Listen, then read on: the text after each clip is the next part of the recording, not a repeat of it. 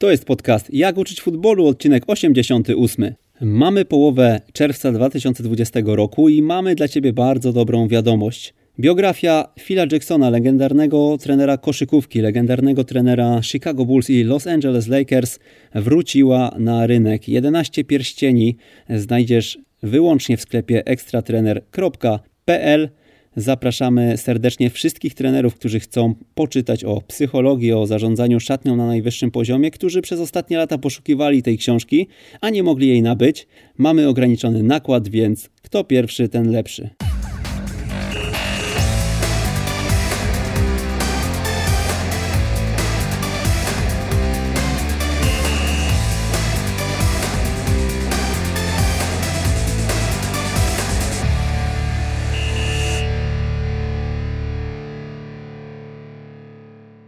Jak uczyć futbolu? Odcinek 88. Na naszej liście gości od wielu lat y, widnieje wiele różnych nazwisk. Są jednak takie nazwiska, o których mówimy, że wiszą i wiszą na tej liście, ale z jakichś powodów y, dopiero y, dzisiaj, czy dopiero w określonym odcinku te osoby się u nas pojawiają. I z gościem, z którym dzisiaj się łączymy, chcieliśmy porozmawiać już bardzo dawno temu, natomiast był taki moment, w którym nasz gość, gość dzisiejszego odcinka, Wyjechał z Polski. Wyjechał z Polski i chociaż byliśmy już umówieni w Polsce właśnie e, na kwiecień, to troszkę ta pandemia pokrzyżowała nam plany i nie spotkaliśmy się osobiście, jednak postanowiliśmy to nadrobić, nie czekać już kolejne miesiące, a połączyć się zdalnie i łączymy się dzisiaj e, z naszą e, zachodnią granicą. W Niemczech przebywa polski trener Marcin Gabor. Dzień dobry trenerze. Dzień dobry, witam serdecznie. Pan Marcin Gabor to osoba mm, znana w środowisku po pierwsze z pracy wraz z trenerem Wojciechem Stawowym, bo i w Krakowie i w GKS-ie e, Katowice funkcjonowali na najwyższych e, poziomach w Polsce, e, no ale też znana chyba z inicjatyw szkoleniowych. E, bo wiele mm, warsztatów, wiele konferencji organizował e, przed laty, jeszcze, e, jeszcze kiedy w Polsce przebywał na co dzień, ale ja myślę, że najlepiej będzie trenerze, jak pan sam o sobie opowie i opowie też o tym, dlaczego wyjechał pan do Niemiec i co tam dzisiaj się w tych Niemczech dzieje z pana udziałem. Tak, ostatnio myślałem na ten temat i, i, i takie przemyślenia również stały się, można powiedzieć, moim udziałem, że to już praktycznie 15 lat, kiedy funkcjonuje e, w piłce nożnej, funkcjonuje w piłce nożnej na, na tym wysokim poziomie, dzisiaj na najwyższym europejskim. I rzeczywiście 15 e, lat temu zaczynałem e, od dziennikarstwa, od, od aspektów właśnie żurnalistycznych, ale to nie był jakby, to nie był jakby ten kierunek, który, który mnie zadowalał, którym, którym chciałem budować swoją przyszłość, bo o piłce opowiadać to jest jedno, ale piłkę tworzyć, współtworzyć to jest zupełnie inny kawałek chleba i tutaj e, wywieranie wpływu na funkcjonowanie piłki nożnej na, na pewne obszary to jest właśnie to, co mnie interesowało, dlatego e, Dlatego wszedłem e, w świat trenerski, dlatego pracowałem w klubach jako właśnie szkoleniowiec, jako analityk, jako szef analizy, jako dyrektor do spraw sportowych. Tak jak pan powiedział, od ponad 10 lat prowadzę już swoje seminary, seminaria Polsce. W zeszłym roku również byłem zapraszany jako całodzienny prelegent do Stuttgartu, Monachium, Mannheim, Dortmundu, Hamburga czy Madrytu, więc e, troszeczkę tych e, doświadczeń szkoleniowych już mam na swoim koncie, tym bardziej, że e, ciągle, można powiedzieć w trybie ciągłym, wykładam również na, w Instytucie Międzynarodowym Instytucie Piłki Nożnej w Monachium. Tam szkolą się, czy są szkoleni, przygotowywani profesjonalni analitycy z Niemiec, Szwajcarii, Austrii. Tam też prowadzę e, swoje zajęcia. Poza tym e, założyłem dwie swoje marki piłkarskie, czyli Trainer Pro i Karierę Pro. Trainer Pro zajmuje się e, szkoleniem, podnoszeniem poziomu, rozwojem trenerów, także podnoszeniem poziomu i profesjonalizacją nowymi strukturami, projektami sportowymi, strategią sportową klubów piłkarskich. I tutaj przede wszystkim działam na terenie europejskim, no ale także tym scoutingiem trenerów, wyszukiwaniem trenerów, kryteriami oceny i, i doboru szkoleniowców. Natomiast Karierę Pro to jest pierwszy też w Europie portal rekrutacyjno-doradczo-edukacyjny. No i tych aspektów w moim, w moim życiu, w moim działaniu jest bardzo wiele, bo jestem też wykładowcą na, na kursach czy podczas kursów trenerskich UEFA a od roku 2016 e, związałem się, będąc zaproszonym do współpracy przez niemiecką firmę No dzisiaj już ta marka nazywa się Ligen Analytics. To jest firma analityczna.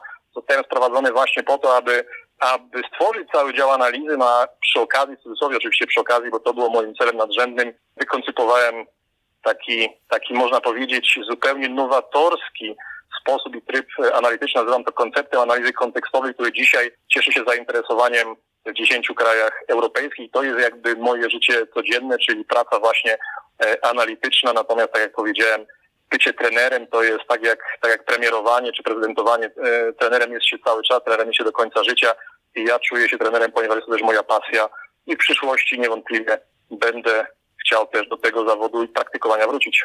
No właśnie, ja od razu tutaj przywołałem nazwisko trenera stawowego, z którym współpracowaliście i myślę, że tutaj mieliście swego czasu bardzo dobre relacje. E, czy teraz w momencie, kiedy on otrzymał ofertę z ŁKS-u Łódź, e, nie było propozycji też dla Pana, żeby może e, wrócić do ekstraklasy? Relacje dobre z trenerem stawowym mam od 2006 roku, jeśli mnie dobrze pamięć, jeśli dobrze pamiętam i nie pamięć nie myli, ponieważ od 14 lat znamy się, pracowaliśmy w trzech klubach, bo jeszcze do GKS-u i Krakowi dochodzi Miedź Legnica i, i trener stawowy to jest człowiek, który w 2010 roku e, zaprosił mnie do współpracy właśnie w Katowicach, gdzie po raz pierwszy pracowałem na na poziomie pierwszej ligi i na pewno trenerowi stawowemu wiele zawdzięczam. Natomiast e, myślę też, że ta nasza współpraca była takim, była, była takim obopólnym profitem, bo, bo każdy z nas ma swoje atuty, każdy z nas myślę, że mógł pewne rzeczy od siebie wziąć, podpatrzeć, no a zawsze ta współpraca była dla mnie e, o tyle interesująca, że obaj myślimy o piłce nożnej podobnie, że e, mamy, mamy spojrzenie właśnie na piłkę, która, na piłkę taką kombinacyjną, na piłkę która, która pozwala dominować na boisku i to nas, to nas połączyło. Natomiast przychodzi też taki moment w życiu, gdzie każdy chce iść w swoją stronę, mówię każdy, mówię to oczywiście o swojej osobie, e, gdzie ma się swoje plany, ma się też e, własne przekonania, chce iść kroczyć własną drogą, dlatego te nasze drogi się zawodowo rozeszły, ale do dzisiaj mamy doskonały kontakt. I odpowiadając bezpośrednio na pytanie, takiej propozycji nie było, bo też jesteśmy umówieni, że aktualnie pracujemy osobno. Ja oczywiście trzymam mocno kciuki za trenera stawowego, aby mógł długofalowo pracować w łódzkim klubie sportowym i, i, i mimo, że świetnie wspominam naszą, naszą współpracę zawodową, mimo, że dotychczas y, mieliśmy cały czas doskonałe relacje prywatne, to tak jak powiedziałem, w przyszłości każdy będzie szedł właśnie swoimi ścieżkami. My tutaj rozmawialiśmy przed audycją e, odnośnie prezentów dla naszych słuchaczy. Ja zaznaczę na wstępie, że warto nas dzisiaj e, uważnie słuchać, dlatego że cały worek od trenera Gabora e, prezentów jest przygotowany, ale o tym powiemy na koniec audycji.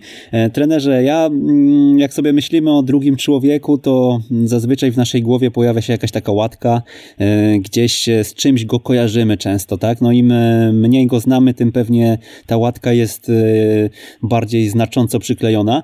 No jak sobie myślę e, o trenerze Gaborze, to mi od razu przychodzi do głowy model gry. Chciałbym o tym modelu gry na pewno z Panem dzisiaj mocno porozmawiać, e, ale zapytam może dlaczego, e, no pewnie nie tylko ja, utożsamiamy w jakiś sposób Pana z modelem.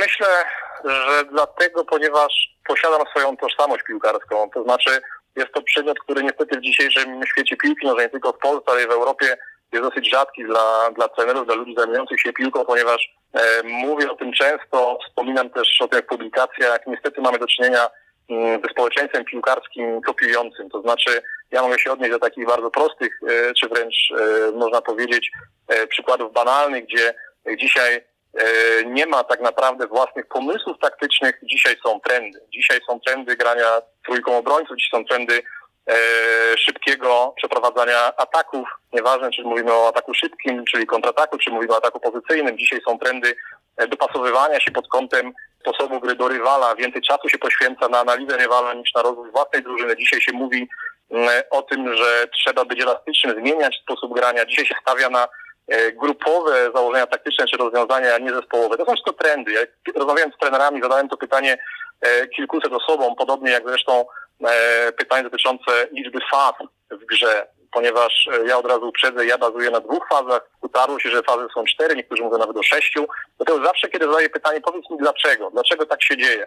Pytanie e, pozostaje albo bez odpowiedzi, albo pada fraza, wręcz frazę z podtytułem, no tak się przyjęło, taki jest standard, to mi pomoże w jakiś sposób realizować działania. Natomiast za tym nie kryją się aspekty merytoryczne. Dlatego moim, e, nie tyle konikiem, bo to by było zbyt płytkie określenie, ale, ale moim celem w życiu jest strukturyzowanie piłki nożnej. To jest moja pasja, więc żeby tej pasji oddać co należne, trzeba tę pasję zrozumieć. Dlatego rozumienie prawidłowej piłki nożnej jest podstawą. I potem z tego wychodzi nasza filozofia piłki nożnej, w ramach której rozróżniam między innymi rozumienie samej dyscypliny, rozumienie gry, takty, e, teorię e, taktyki, e, sam, samą kwestię wizji gry. Są wszystkie aspekty, które wypracowałem dla siebie przez lata, przez, przez długie, długie lata. Z tego powstał model gry właśnie, z tego powstały inne elementy modelu pracy, profil trenera.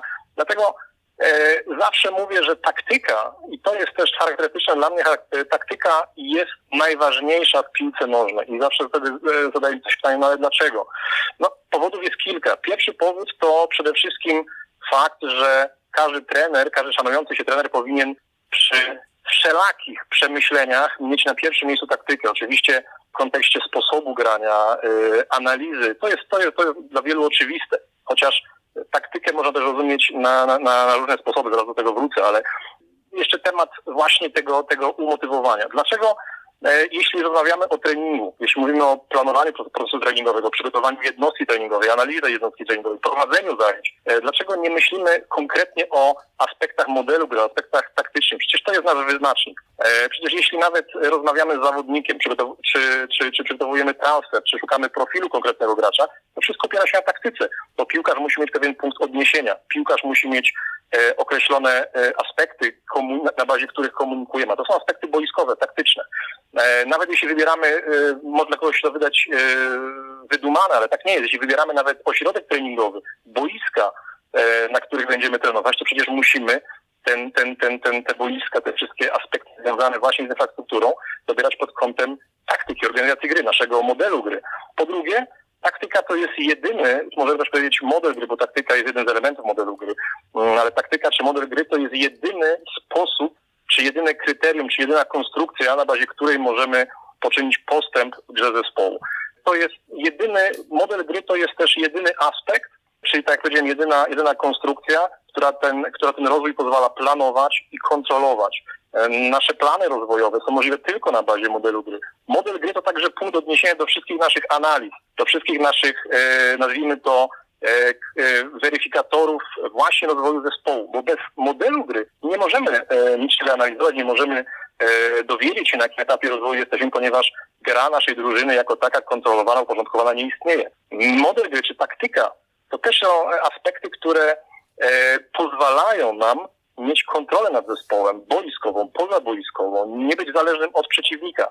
No i trzeba pamiętać jeszcze e, o jednej rzeczy, że tak naprawdę, bo częścią modelu gry jest system gry. Możemy za chwilę też o tym porozmawiać, żeby te elementy rozróżnić, ale jeśli powiemy sobie system gry, postawimy znak równości i powiemy, że jest to organizacja gry, to tak naprawdę wszystko, co robimy w piłce nożnej, jest podporządkowane temu, żeby wykonywać założenia taktyczne, żeby realizować organizację gry, bo przecież czy to jest kwestia przygotowania motorycznego, czy będziemy mówili o, o aspektach mentalności, przygotowaniach zajęć treningowych, to wszystko służy temu, żeby zespół e, najpierw czynił postępy w ogóle, żeby najpierw wdrażać pewne elementy organizacji gry, potem je rozszerzać, żeby właściwie je automatyzować, żeby je wypracować, a potem automatyzować, żeby zespół realizował je w każdym meczu, żeby cały czas się rozwijał, ale przygotowanie motoryczne, czy kwestie e, mentalne, czy kwestie dotyczące nazwijmy to, e, techniki e, użytkowej. To wszystko są kwestie tylko i wyłącznie poboczne, które oczywiście są w pewnym sensie istotne,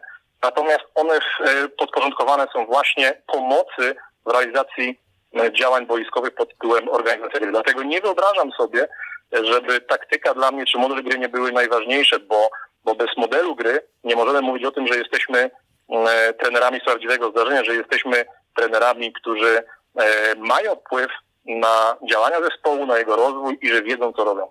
Fajnie nam się tutaj zgrało terminowo, bo e, kilka odcinków temu rozmawialiśmy z Januszem Niedźwiedziem i mam wrażenie, że tutaj e, wiele punktów wspólnych byście znaleźli. On też bardzo mocno zwraca uwagę na kwestię modelu gry, no i myślę, że też e, sposób, w jaki chce, żeby grały jego zespoły w piłkę, no też się opiera na dominacji, na ataku pozycyjnym, na grze kombinacyjnej.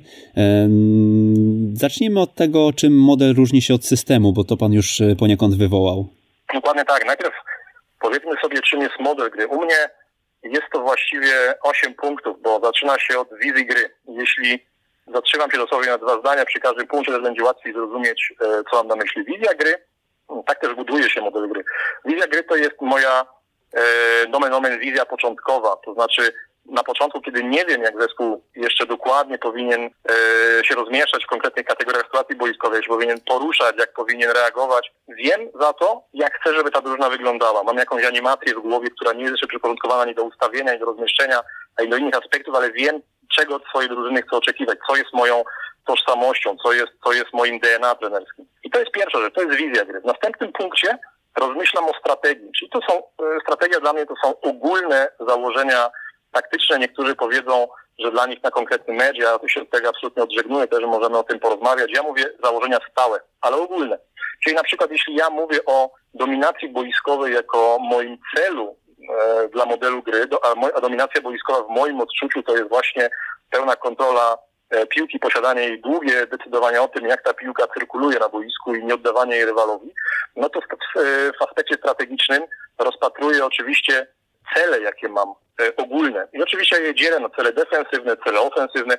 Cel defensywny, taki podstawowy w moim modelu gry, mówię oczywiście o strategii, czyli tym ogólnym ujęciu, jest bardzo prosty. Jak chcę odebrać jak najszybciej piłkę, niezależnie od kontekstu początkowego, a konteksty początkowe w piłce mamy cztery, czyli mamy piąty metr, e, czyli outbramkowy, mamy rzut wolny, ale niewykonywany jako stały fragment, mamy out boczny, mamy w ofensywie odzyskanie piłki lub w defensywie stratę piłki. I teraz w grze defensywnej mam bardzo prosty cel. Jak najszybciej odzyskać piłkę po to, żeby e, znowu przejąć kontrolę i żeby mieć e, w jakiś sposób, czyli posiadając futbolówkę, móc rozwijać swoją, e, móc rozwijać swoją, swoją dominację. W ofensywie ta, ten aspekt, jako że tej, te, tę piłkę mam zdecydowanie dłużej, czy chcę mieć dłużej, to jest mój cel, tych celów y, pobocznych, pośrednich jest zdecydowanie więcej, bo ktoś może powiedzieć, okay, no ale co może być w ofensywie? Przede wszystkim chcemy strzelać bramki. To nie jest takie proste, bo właśnie w ten sposób, y, idąc na skróty, popełnia się po pierwsze błędy, po drugie to nie jest możliwe iść na skróty, bo, bo piłka nożna jest bardzo skomplikowana i ten, kto idzie na skróty, nie ma kontroli i bazuje na przypadku. Dlatego w pierwszej kolejności dla mnie to jest jakby celem jest budowania ataku pozycyjnego w każdym szczególe. Kontrola w każdym sektorze boiska, każdej podfazie akcji, bo ja też rozróżniam e, w fazie akcji pewne, pewne podfazy działań. E, to jest pierwsza rzecz. Druga rzecz to jest zachowanie ciągłe struktury działań, czyli struktury rozmieszczenia, poruszania się, tak zwanego, jak to Niemcy nazywają, e, poruszania się czy, czy, czy zachowania gąbki, czyli gąbka, która nie, nie, nie, nie doznaje, nazwijmy to, rozerwania, jest cały czas jednością, porusza po boisku. E, I to jest kolejny cel. Trzeci cel, e, czy cel można powiedzieć cząstkowy, to jest w ofensywie, to jest e, zagadnienie budowania akcji w taki sposób, aby już zabezpieczać się przed ewentualnymi kontratakami, czyli to jest, ja to nazywam asekuracją ofensywną. Czwarty cel, ofensywa, czyli posiadanie piłki, daje mi możliwości korekty, nanoszenia korekt na rozmieszczenie, które jest błędne, to znaczy e, cyrkulując piłką, posiadając ją, wymieniając ją, e, mogę cały czas korygować swoje rozmieszczenie tak aby za dwie, trzy kategorie sytuacji boiskowych już mieć znowu to optymalne. E, kolejny aspekt posiadanie piłki jest świetnym regulatorem aspektów motorycznych, bo to ja decyduję. Ja chcę przebiec jak najmniej kilometrów ekonomicznie, to, to i na jak najniższym tętnie, tętnie średnim. To wynika akurat z aspektu y, kompaktowego rozmieszczenia mm, i, te, i też mojego y, nieszaleńczego tempa rozgrywania akcji, tylko, tylko stosowania arytmii. Arytmii, nazwijmy to arytmii tej wysokiego stopnia na krótkich odcinkach czasowych. Dodatkowo taka sytuacja pozwala mi oczywiście mnie, zespołowi reagować przypadku jakichś e, pułapek motorycznych, czy też jakiegoś chaosu motorycznego w trakcie meczu, to znaczy drużyna, która ma opanowaną dominację boiskową jest w stanie e, regulować właśnie poziom swojego obciążenia w danym momencie, no i to oczywiście e, daje niesamowitą moc, niesamowite możliwości, też niesamowity komfort drużynie, jeśli taki cel jest w stanie zrealizować. Wreszcie ostatni cel cząstkowy, jeśli chodzi o strategię ofensywną, to jest tworzenie, kreowanie sytuacji podbramkowych o wysokiej jakości. To jest klucz to podkreślenie właśnie o wysokiej jakości, ponieważ nie sztuką jest zagrać piłkę przypadkowo do przodu, gdzieś e, ruszy zawodnik przypadkowo, minie rywala, e, ale już po, po, po ostatnich 10-15 minutach, kiedy zawodnicy przemieszczają się w jakimś e, nieprawdopodobnym tempie od pola karnego do pola karnego, nie widzi nie ma czucia e, piłki, spowodowane jest to oczywiście zakwaszenie mięśni, układ nerwowy zmęczony, dwa kontakty z piłką e, na, na 10 minut, dodatkowo no tak nie można funkcjonować. Dodatkowo jeszcze oczywiście problemy z miejscem, z którego może oddać strzał, czy, czy z kwestią nacisku rywala. To jest dla mnie ważne i to właśnie osiągam poprzez, poprzez dominację i to jest mój jeden z celów strategicznych, aby te sytuacje były wyklarowane czy wykreowane na wysokim poziomie, czyli duży komfort em, zawodnika, jeśli chodzi o jego motorykę, psychikę, duży komfort, jeśli chodzi o przestrzeń, jeśli chodzi o czas, e, odczucie piłki, to jest bardzo ważne i to osiąga się poprzez właśnie właściwy system gry, właściwy model gry. To są te zasady, które są dla mnie istotne w strategii. Natomiast jeśli rozmawiamy jeszcze o strategii, to tych pytań, tych, tych e, wątpliwości przy tworzeniu modelu gry jest zdecydowanie więcej, bo oczywiście na początku zadawałem sobie też pytanie, jak chcę grać w obu fazach, jaki ma być charakter tych obu faz, bo nie można powiedzieć, nie istnieje w piłce nożnej status gry defensywnej bądź ofensywnej jako, tak, jako taki. Nie można tego odnieść do jakby ogólnej charakterystyki zespołu. Wyobraźmy sobie moment, e, kiedy drużyna przez trzy minuty broni głęboko pod własnym polem karnym, czyli powiedzielibyśmy, ok, drużyna gra defensywnie, natomiast po przejęciu piłki nagle e, drużyna znów trzy minuty utrzymuje się przy piłce, gra wysoko, przechodzi na połowę rywala, tworzy sytuację. Nie, musimy określić dla każdej fazy właśnie charakter i ten charakter w moim modelu gry jest w obu fazach ofensywny, znaczy w defensywie oznacza to e, li tylko e, tyle i aż tyle, że chcemy jak najwyżej bronić w każdym momencie najwyżej rywala, czy jak najbliżej rywala, atakować i szybko odbierać piłkę. Strategia, tak jak powiedziałem, to są ogólne aspekty, które mają określić nasz, nasz sposób gry i mają e, spowodować, że zrealizujemy te cele, o których e, wspominałem. E, w defensywie to jest oczywiście kwestia E, rozmieszczenia zespołu, e, w jaki sposób mamy reagować, czy cały zespół, no tak jest właśnie w moim przypadku, cały zespół w każdym momencie, kwestia ciągłego agresywnego e, bronienia, czyli ze strefy, asekuracji, ciągłego pressingu. Wiele osób mówi, nie da się grać pressingiem przez 90 minut. Ja uważam, że to jest nieprawda, bo właśnie w moim modelu gry każda akcja defensywna ma być zakończona pressingiem. Niezależnie od tego, czy mówimy o grze defensywnej z bazy, czy mówimy o grze defensywnej po stracie piłki. E, pytanie jest inne. Jak długie przerwy na restytucję, na odpoczynek mam pomiędzy tymi e, fragmentami pressingowymi? Bo jeśli tracę piłkę co 5 sekund, muszę ciągle gonić, star- cały czas staram się grać pressingiem, to oczywiście zespół nie wytrzyma takiego tempa. Natomiast jeśli moje akcje ofensywne są długie, na boisku dominuje, e, a potem w pressing trwa 3-4 sekundy, to w czym jest problem? Ja nie widzę żadnego i to jest kwestia właśnie e, cały czas myślenia dwukierunkowego, czyli dwufazowego, no bo też e, faza ofensywna wpływa na defensywną i odwrotnie. E, więc w defensywie, tak jak powiedziałem, tutaj cały czas podprowadzam pod, pod, pod kwestię jak najszybszego odzyskania piłki, pod, pod kwestię mm, właśnie chęci dominowania w ofensywie i w strategii określa się te punkty ogólne. W ofensywie oczywiście mówimy ogólnie o chęci długiego posiadania e, piłki, o kwestii rozmieszczenia reakcji całego zespołu, o stosowaniu przede wszystkim ataków pozycyjnych, a kontrataków tylko w bardzo rzadkich e, sytuacjach, bo to daje nam jeszcze większą kontrolę, jeszcze większy porządek e, taktycznej organizacji gry.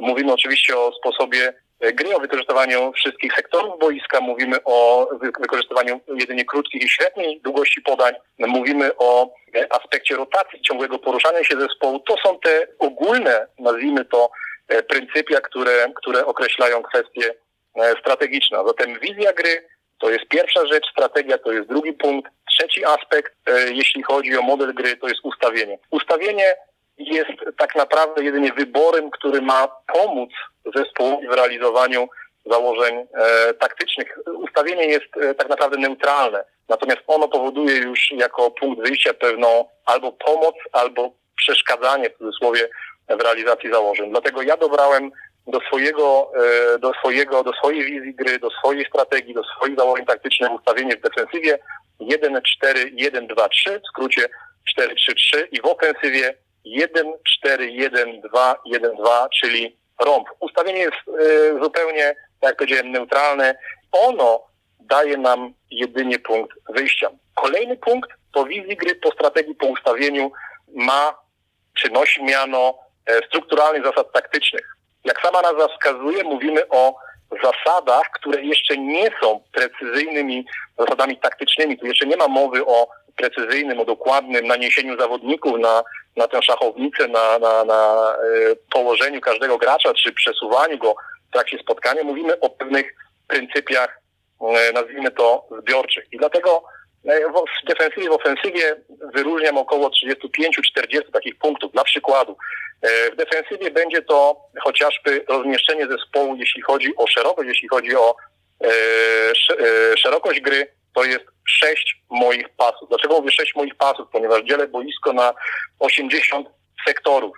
Mamy 10 stref i 8 pasów horyzontalnych i w ten sposób ja też jestem sobie stanie ułożyć całą topografię taktyczną. Czyli na przykład szerokość gry to jest w bazie, kiedy zespół w takiej kategorii sytuacji boiskowej, kiedy zespół rywala ma e, outbramkowy, sześć pasów, e, jeśli chodzi o szerokość. Głębokość gry to jest u mnie na przykład są trzy strefy. E, kwestia mm, odpowiedniej ustawienia schodkowego, kwestia rozmieszczenia zawodników w osobnych sektorach z zachowaniem kompaktowości, łączności taktycznej, czy, czy też symetrii rozmieszczenia, czy też zachowania już w rozmieszczeniu bazowym właściwych odległości. To jest kwestia budowania trójkątów, to jest kwestia e, zamykania linii podwójnych. Ja mówię, już, ja mówię o, o, zasadach statycznych, a przecież dochodzi jeszcze ruch, czyli kompatybilne poruszanie się zespołu, zachowaniem tych odległości. Chodzi o kwestię reakcji e, e, całego zespołu, całej renatki. W momencie, kiedy jest atakowany jakiś rywal z piłką, kiedy wychodzi zawodnik ze strefy, więc tych założeń strukturalnych jest bardzo wiele i już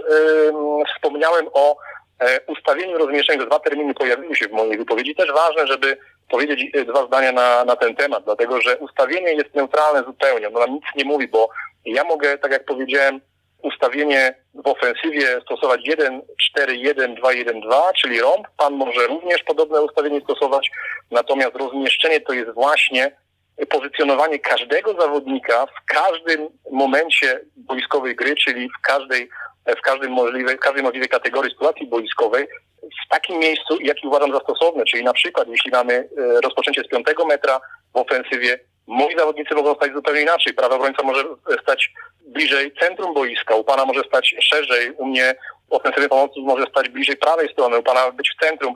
E, to jest właśnie, to jest właśnie praca nad rozmieszczeniem i każde kolejne podanie, czyli każda kolejna stopklatka określa nam moment, w którym powinniśmy to rozmieszczenie mieć przygotowane. W chwili, kiedy rozgrywamy piłkę, kiedy tracimy, kiedy ją zyskujemy od razu, kiedy zyskujemy później, co się dzieje, kiedy ją przejmujemy. Nad tym wszystkim, nad tym wszystkim trener musi myśleć, musi nad tym pracować i na bazie rozmieszczenia jestem w stanie błyskawicznie e, już e, rozsądzić, czy dany trener jest tak naprawdę kompozytorem, czy przegrywa do kotleta. To jest bardzo ważna różnica jak trener do tego tematu e, podejdzie. Ale wracając jeszcze do strukturalnych zasad taktycznych w ofensywie, tutaj będziemy na przykład, tak jak powiedziałem, też będziemy mieli około 40 elementów, e, chociażby e, też rozmieszczenie, które daje tak zwaną łączność taktyczną, czyli niezależnie od momentu i chwili i kierunku podania, zawsze będziemy mieli taką samą liczbę zagrań po ziemi. U mnie to są 6-7 podań po ziemi, 6-7 stacji do grania po ziemi w każdej kategorii stacji boiskowych. To jest kwestia E,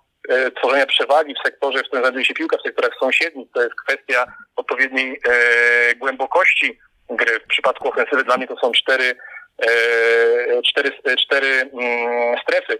Mówimy oczywiście o, o, o zagadnieniach e, w postaci jak największych zawodników przed linią piłki w każdym momencie. Mówimy o rozmieszczeniu zawodników, które odkrywa każdego zawodnika do, do grania, e, gdzie mamy też budowane wszędzie trójkąty, kwadraty, gdzie to, gdzie, to, gdzie to rozmieszczenie jest kompaktowe, gdzie przemieszczamy się kompatybilnie, gdzie zmieniamy y, kierunek rozegrania akcji, gdzie akcje są wielokierunkowe, kwestia arytmii, e, kwestia sekuracji ofensywnej, tworzenia środowiska piłki. Tego jest bardzo wiele, bardzo wiele i to, jest, to są punkty, które dadzą, da, dają mi podwaliny pod budowanie konkretnych założeń taktycznych, czyli już tych precyzyjnych e, elementów w grze zespołu, ale jednocześnie stanowią pierwszy krok do analizy, ponieważ przyglądając się y, mojej drużynie, oglądając mecz mojego zespołu e, w trakcie analizy, ja najpierw weryfikuję właśnie realizację strukturalnych zasad taktycznych, bo jeśli to nie funkcjonuje, to oznacza, że i szczegóły będą bardzo zaniedbane. Strukturalne zasady taktyczne to jest kolejny punkt po wizji gry, po strategii, po ustawieniu i numer cztery właśnie zasady e, taktyczne, strukturalne. Kolejny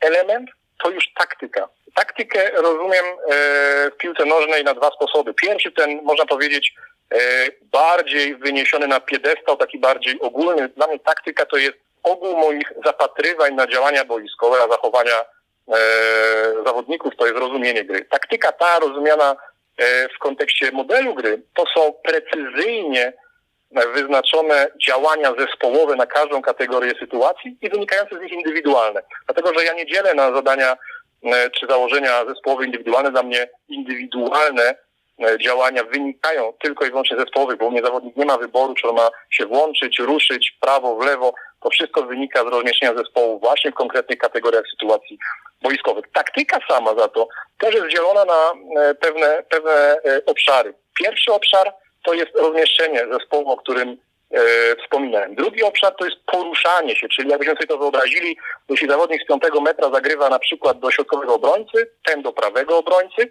to mamy już dwie kategorie sytuacji boiskowych, czyli e, przy przyjęciu piłki robimy zdjęcie, robimy stopklatkę, mamy rozmieszczenie, ale to, co się dzieje pomiędzy, to jest poruszanie zespołu. I dla mnie zespół się ma poruszać ciągle e, jak, jak jedno ciało, jak animacja. Wszyscy, wszyscy zawodnicy, cała jedenastka w, w, odpowiedni sposób w kierunku piłki. Czyli rozmieszczenie i poruszanie dwa pierwsze elementy. Następna sprawa to są reakcje defensywne, czyli na przykład kiedy zespół, e, jak zespół reaguje na drugie podanie rywala, jak kiedy piłka jest zagrywana w środek, jak kiedy na bok. I to są reakcje całego zespołu. Następna rzecz to jest jakby synergia tych wszystkich reakcji, czyli schematy defensywne, kiedy presujemy, kiedy stosujemy pressing, na jaki sygnał, to są wszystko elementy, które trzeba wypracować. Później oczywiście przechodzimy do ofensywy, czyli reakcje ofensywne, jak piłka cyrkuluje, e, jak względem cyrkulacji piłki zachowują się zawodnicy, co się dzieje, jak rotują, jak łączymy to wszystko w schematy, jak wygląda e, przebieg tych reakcji, jak chcemy je kontrolować, od tego, gdzie piłka e, trafiła. To wszystko musi być wypracowane. Dlatego to, jest, to są szczegółowe, precyzyjne elementy taktyczne, gdzie rzeczywiście pracujemy nad każdym niuansem. Czyli to jest tych pięć obszarów modelu gry, które można powiedzieć stanowią o sposobie gry. Są jeszcze trzy elementy uzupełniające, które pomagają zrealizować te wszystkie mm, aspekty i wdrożyć model gry, czy też cały czas go poprawiać i rozwijać. To jest przede wszystkim aspekt przystosowania systemowego. Przystosowanie systemowe to zbiór zachowań defensywnych, ofensywnych, które są nam potrzebne do realizacji modelu gry, ale bez przypisanych pozycji. Czyli na przykład, jeśli mój zespół ma dominować poprzez posiadanie piłki, to jest gra na utrzymanie, ale jak mamy się utrzymywać, jak mamy zachować odległości, jak mamy się przemieszczać za piłkę, jak mamy rotować, jak mamy wymieniać tę piłkę, jak mamy e, się poruszać, jak mamy zachować odpowiednie odległości w defensywie, jak mamy reagować po stracie, e, co się dzieje w momencie, kiedy bronimy z bazy, jak budujemy e, i jak przemieszczamy e, nasze, nasze, nasze rozmieszczenie bazowe i jak to wygląda w kolejnej kategorii sytuacji, ale bez pozycji. I to nam pomaga. E, nawet jeśli pojawia się chaos w meczu, pomaga nam reagować, pomaga nam odpowiednio się zachowywać. Nawet jeśli ktoś upełni błąd, albo jeśli jesteśmy na tym etapie, gdzie mamy wszystko wypracowane, bo to też jest bardzo szeroki kontekst, bardzo duży kompleks działań, wtedy zawodnicy się dużo łatwiej odnajdują w swojej grze, potrafią reagować i w defensywie, i w ofensywie, Taki przykład, jeśli e, mamy problem z rozmieszczeniem, mówiłem o, tej, o tych celach strategicznych, zespół na przykład zawodnicy opuszczali e, pozycje odpowiednie, czyli nie pełnią tych ról, do których są predestynowani w tym momencie. Wtedy zespół na przykład utrzymuje się przy piłce. 7, 8, 9, 10 podań w tym momencie. e, korygujemy całe rozmieszczenie. Gdybyśmy nie, nie stosowali przystosowania systemowego, niezależnego od pozycji, mielibyśmy z tym kłopot. Następna rzecz, e, numer 7 e, modelu gry jako obszar to jest dopasowanie motoryczne, bo każdy trener, który buduje swój model gry, powinien, a wręcz musi wiedzieć, jak wygląda struktura obciążeń w jego zespole, jak wygląda kwestia średniej tętna, której zespół się porusza, jak wygląda, w jakich momentach, jak często, jaki czas jest na restytucję, ile czasu zawodnicy muszą na wysokim poziomie nazwijmy to, wysokich strefach i stanach tętna się poruszać. Jakie to są odległości, kiedy, które się na przykład na tym wysokim tętnie przemieszczają? To są wszystkie rzeczy, na które trener musi sobie odpowiedzieć, no i to oczywiście wdrożyć odpowiednio w trening, bo, bo inaczej przygotowuje się zespół, który E, gra, gra kombinacyjnie, który długo się utrzymuje przy piłce, który stosuje też wolniejsze momenty w grze, a inaczej kiedy zespół, który kontruje, inaczej kiedy kontruje czterema zawodnikami, inaczej kiedy e, cały zespół skraca pole gry. To są, to są bardzo ważne sprawy. No i ostatni punkt e, w modelu gry to jest rys psychologiczny. Do mojej gry, do mojego sposobu działań boiskowych potrzebni są zawodnicy przygotowani, nie zawodnicy, tylko zawodnicy przygotowani do gry cierpliwej, do gry konsekwentnej. Zawodnicy, którzy tysiące razy powtarzają te same zachowania, jeśli chodzi o rozmieszczenie, poruszanie, jeśli chodzi o reakcje, e, o schematy działań.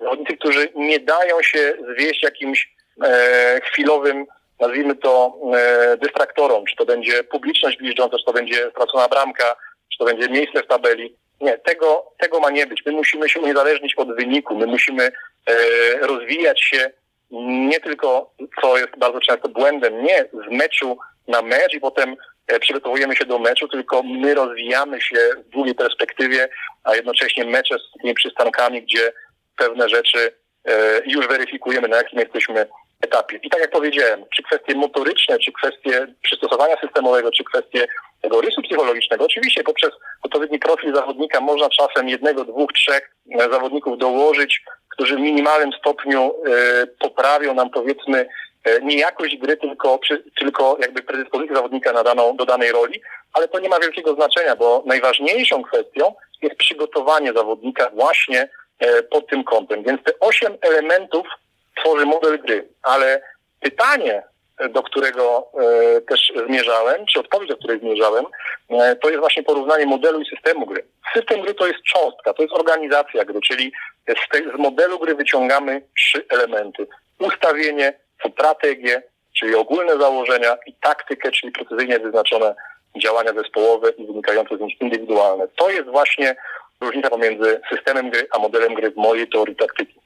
No to tutaj bardzo, bardzo obszernie nam Pan odpowiedział. Zresztą ja e, mógłbym chyba tutaj zostawić e, mikrofon i po prostu e, posłuchać o modelu gry Pana zdaniem, chociaż e, dla słuchaczy niewtajemniczonych mogę powiedzieć, że to jest tylko zalążek tego, o czym Pan opowiadał na szkoleniach, w których ja przed laty brałem udział. E, no i moje pytanie właśnie o to, skąd taka, taki poziom szczegółowości e, związany z tym, w jaki sposób Pan chce grać w piłkę, u Pana się znalazł, jak Pan to opracował, bo no, nikt nas e, w Polsce na kursach trenerskich nie uczy tego, e, jak ten e, model zbudować, albo jest to po prostu liźnięte, mówiąc kolokwialnie.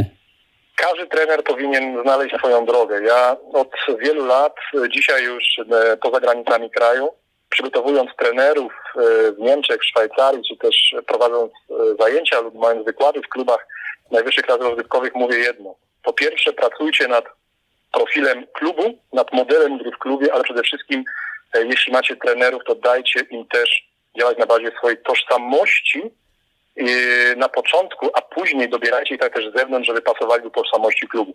Dlatego każdy trener powinien szukać samego siebie, powinien szukać swoich przekonań, nie kopiować. Bo tak jak powiedziałem, jeśli my jeździmy na staże, jeśli mamy wgląd w materiały różnego rodzaju, jeśli są konferencje trenerskie, gdzie ktoś opowiada 30 minut, pokazuje dwa slajdy, a my z tego chcemy czerpać wiedzę, e, to tak naprawdę niczego nie odkryjemy. To znaczy nie odkryjemy siebie, nie odkryjemy swoich potrzeb, nie odkryjemy swojej tożsamości. I nigdy nie będziemy potrafili zespołu kontrolować w sposób szczegółowy, tylko zawsze będziemy mieli wiedzę obcą i, frag i fragmentaryczną, czyli tak naprawdę powstaje nam w głowie chaos. A ja chcę piłkę rozumieć po swojemu. Chcę swoją drużynę przygotować po swojemu.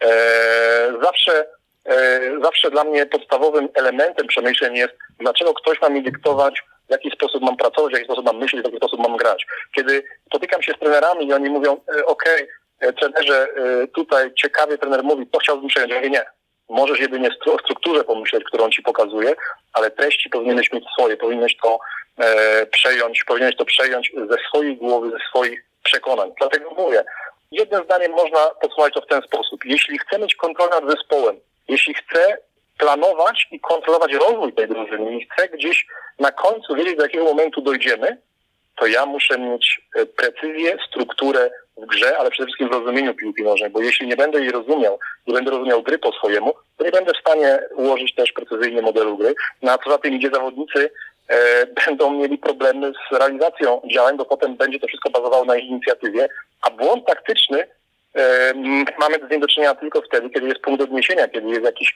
wzorzec. A proszę mi wierzyć, większość trenerów e, traci drużynę, traci szatnię, jak mówi się to kolokwialnie, nie ze względu na ich sposób bycia, nie względu na ich charakter, ze względu na to, że tracą autorytet poprzez e, zbyt wąską wiedzę na temat działań e, zespołu, który prowadzą, na zbyt e, niewielki zakres zadań, który, który wdrażają. Zawodnicy coraz częściej chcieliby, żeby ten trener przekazał im mnóstwo informacji, żeby wiedzieli, co mają na boisku robić.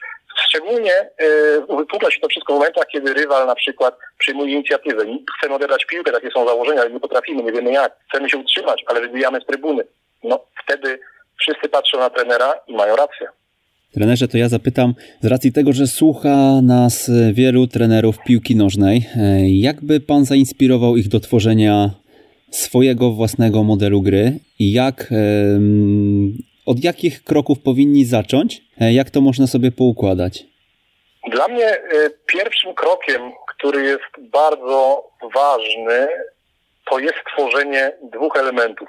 Pierwsza rzecz to jest katalog definicji taktycznych, a drugi to jest rozumienie gry. Oczywiście dzisiaj nie, ma, nie mamy czasu, żeby to wszystko poukładać, natomiast jeśli ktoś chce, to akurat przy okazji e, nie, będę, nie będę mówił o o, o, o aspektach e, reklamy czy promocji, natomiast e, w zeszłym tygodniu prowadziłem webinar na temat teorii taktyki, gdzie właśnie te dwa elementy, które są, e, które składają się i są elementami właśnie teorii taktyki, które omawiałem. Katalog definicji, taki przykład podam.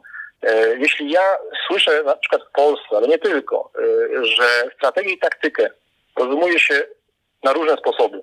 Jeśli mówi się o tym, że Dzisiaj na przykład trend polegający na tym, że tak jak powiedziałem, że akcje mają być przeprowadzane jak najszybciej, czyli rozumienie gry, że zawodnik ma podejmować decyzje, ma być tak zwany kreatywny.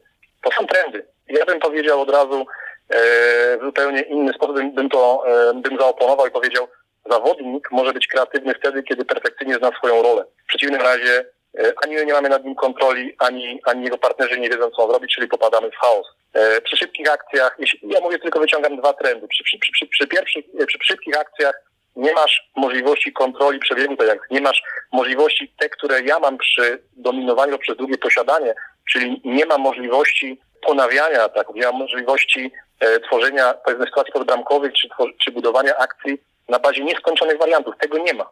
E, I dlatego, dlaczego o tym mówię? Dlatego, że warto przede wszystkim, i to jest dla mnie niezwykle istotne, kwestionować trendy i zapytać siebie, czy ja to tak rozumiem? Jeśli tak, to dobrze. Jeśli nie, to jak chcę rozumować poszczególne definicje piłce nożnej, jak rozumiem grę, widzę dwie fazy czy cztery fazy. Ja mówię o dwóch. Jak zadaję pytanie e, wielu osobom w kilku krajach, powiedz mi, jeśli e, przejmuję piłkę i mam kontratak i ten kontratak trwa 6 sekund albo 5 sekund, to powiedz mi, gdzie się kończy E, faza przejściowa, gdzie, gdzie mamy fazę ofensywną. No to najczęściej ludzie nie wiedzą. To pytam, to nie mamy fazy ofensywnej, tak? E, to są rzeczy, to są szczegóły, które, które wpływają na sposób rozumienia i pracy później, bo jeśli ja nie rozumiem, nie ma żadnych reguł, nie rozumiem, kiedy mam dzielić e, grę na cztery fazy, to u mnie jest bardzo prosta rzecz. Jest faza defensywna i ofensywna. Jeśli mam piłkę, jest faza ofensywna. Jeśli, jeśli piłki, piłki nie mam, ma rywal, jest faza defensywna. Jeśli piłka jest bezpańska, i mogę do niej dojść, faza ofensywna. Jeśli bez państwa nie dojdę, defensywna. Jeśli pół na pół, jest defensywna, żeby się zaasekurować. Są bardzo proste zasady, e, ale ja to rozumiem i jestem w stanie do tego do, e, dołożyć metodykę. Dlatego e, zachęcam przede wszystkim do y, zadawania sobie pytań. Do pytania dają dużo więcej odpowiedzi niż najmądrzejsza książka. Pytania do samego siebie. Kolejna rzecz, i to już jest kwestia samego modelu gry.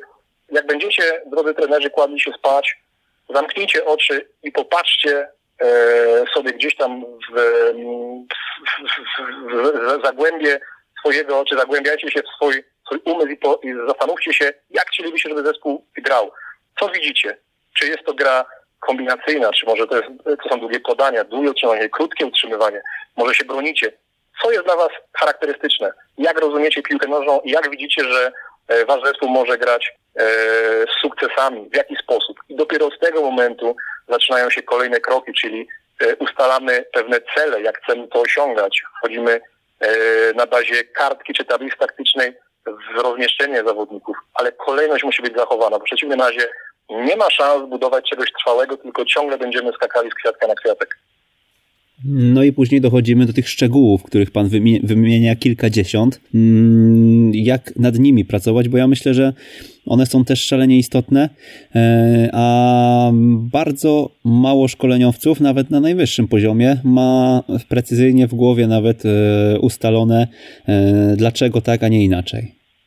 Tak, zgadza się. Zgadzam się i to jest, tak jak powiedziałem, trend europejski, gdzie trenerzy po pierwsze dzisiaj bardzo dużo czasu poświęcają na analizę rywala, podporządkowując się rywalowi, czyli mówią, w tygodniu pracujemy nad neutralizowaniem na przykład atutów rywala. Trenujemy to. I teraz dwa błędy, które się w tym pojawiają, w moim e, przekonaniu. Pierwszy błąd, bardzo często wysyłamy, że tak powiem, drugą jedenastkę do symulowania gry rywala, co oznacza, że rozregulowujemy tych chłopaków zupełnie, wspomniałem fakt, że nastawiamy ich negatywnie do siebie, bo oni są w tym momencie rywalem, a nie, nie są częścią zespołu, ale rozregulowujemy ich w kontekście naszego sposobu grania, e, nie dajemy im możliwości rozwoju i dlatego potem zostaje nam dziesiątka, jedenastka zawodników, którzy w ogóle rozumieją cokolwiek z tego, co mamy robić. Ale jak mają rozumieć poza tym, jak zespół ma się rozwijać, jak ten mechanizm ma funkcjonować. Ja wymieniłem E, ileś elementów, ja wymieniłem e, sporo szczegółów, ale tak jak Pan powiedział, to jest pewnego rodzaju początek. Tych założeń szczegółowych, bardziej szczegółowych jest bardzo wiele.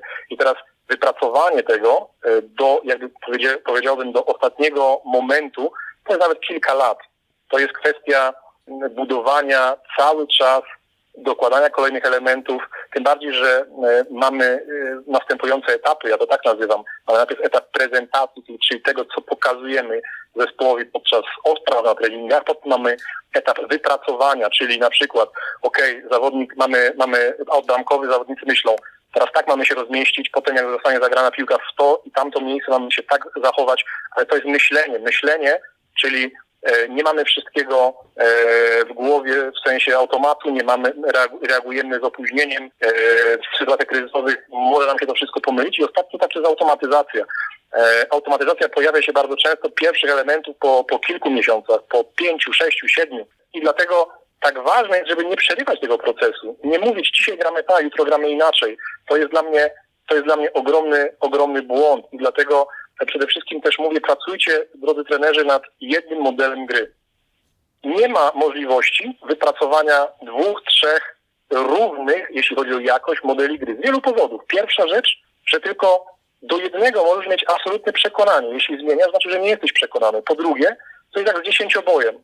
Dziesięcioboista we wszystkim jest niezły, ale nie ma szans z człowiekiem, który uprawia jedną dyscyplinę. E, po trzecie, e, jeśli nie jesteście specjalistami, to nie macie też rozplanowanego całego modelu gry, wszystkich zachowań taktycznych e, zespołu na każdą kategorię sytuacji boiskowej. Ich jest mnóstwo. To mówię o rozplanowaniu, o wypracowaniu. Kolejna rzecz, hamujecie proces rozwoju, ponieważ ciągle zmieniacie. To tak jakbyście dziecku w szkole mówili, że jednego dnia pisze prawą, drugiego lewą ręką. No nie ma szans. No to, to po prostu można dostać pomieszania z poplątaniem. E, kolejna sprawa to jest kwestia wiarygodności u zawodników. Jeśli wy nie jesteście przekonani do modelu gry i na przykład zmieniacie w trakcie meczu, między meczami, to jak potem na następnym, w następnym mikrocyklu chcecie nagle wychodzić przed zespół i, i opowiadać, jak to bardzo prze, jesteście przekonani, chcecie, żeby ten model gry był rozwijany. Tak się nie da. E, dlatego praca nad szczegółami to jest praca nad e, praca na, przy tablicy taktycznej, to jest praca z kartką i ołówkiem, to jest rozrysowanie zawodników i pytanie, czy na przykład w ten sposób stojąc, w danym, kiedy rywal ma w tym, w tym sektorze piłkę, jesteśmy w stanie z tej pozycji odpowiednio zareagować. Co, zro, co zrobimy i czy możemy skutecznie zareagować w teorii, jeśli rywal zagra do tyłu, w bok, yy, między nas, po ziemi, górą, piłkę krzyżową. To są wszystko pytania, które my musimy sobie odpowiadać i tak pracować nad e, szczegółami, i tutaj nie ma drogi, nie ma drogi na skróty. I to, co chcę powiedzieć jeszcze o, o modelu gry, popatrzcie na przykład oglądacie mecz, nieważne czy będą y, niedługo prawdopodobnie ruszą znów europejskie puchary, czy mówimy o ligach zagranicznych, lidze polskiej, ekstraklasie, nieważne. Zobaczcie, jak dzisiaj zespoły reagują. Odeszliśmy zupełnie od dyscypliny zespołowej. Mamy e, działania, e, indyw- e, przepraszam, grupowe z dodatkiem indywidualnych zachowań, tak zwanej inicjatywy, gdzie zespół już po dwóch, trzech, czterech podaniach, jeśli broni lub kiedy atakuje, zupełnie nie ma już tego, tego rozmieszczenia, które miał bazowo, gdzie się, gdzie, gdzie miał powiedzmy jakieś pewne odległości, pewne, pewną strukturę e, rozmieszczenia. Co to powoduje? Zespół nie jest w stanie, tak byśmy roztargali, rozdali kartkę e, na, na, na pół, czy na trzy części, czy na cztery części, no nie jesteśmy w stanie potem jej skleić, a na pewno nie na szybko. Więc zespół też tak, tak samo reaguje. I popatrzcie na to, dlaczego bardzo wiele, 99,9% e, zespołów na przykład nie jest w stanie rozegrać piłki, ja prowadzę też takie badania, rozegrać piłki pod presją więcej niż 2-3 podania. Dlaczego? No, to nie dlatego, że są słabi zawodnicy, zawodnicy są na kapitalnym poziomie, słabe są drużyny. Trenerze, nie wiem, czy będziemy w stanie, ale gdybyśmy się cofnęli do tego ostatniego punktu, który nazwa, nazywa Pan taktyką, e, i gdybyśmy spróbowali w poszczególnych kategoriach sytuacji, tak jak pan mówił, wyłuskać jakieś, jakieś może nie wiem, trzy e, działania indywidualne, które wynikają z jakichś tam określonych działań zespołowych. No oczywiście, oczywiście te, które występują u pana w modelu, żeby to zobrazować jeszcze. Jeśli jesteśmy w stanie, to bylibyśmy wdzięczni. Jasne. Pierwsza rzecz, wyobraźmy sobie grę ofensywną i wyobraźmy sobie sytuację, gdzie mamy piłkę gdzieś w okolicach, prawy obrońca w okolicach linii środkowej boiska. Wtedy, teraz żeby nie, nie komplikować, skupmy się na obrońcach. Jeden mhm. obrońca środkowy półprawy jest również ustawiony blisko, czy tuż przy linii e, bocznej, e, w odległości około 25 metrów, poniżej oczywiście. Drugi z środkowych obrońców 25-27 metrów. Drugi środkowych obrońców to jest, to jest półlewy środkowy obrońca stoi jakby na osi boiska, gdybyśmy patrzyli w, w osi horyzontalnej na linii z półprawym obrońcą lewy obrońca e, stoi w, od tego półlewego środkowego obrońcy, który jest na osi boiska, czyli w centrum, stoi pod kątem w górę ustawiony jakieś 8 metrów, dajmy na to.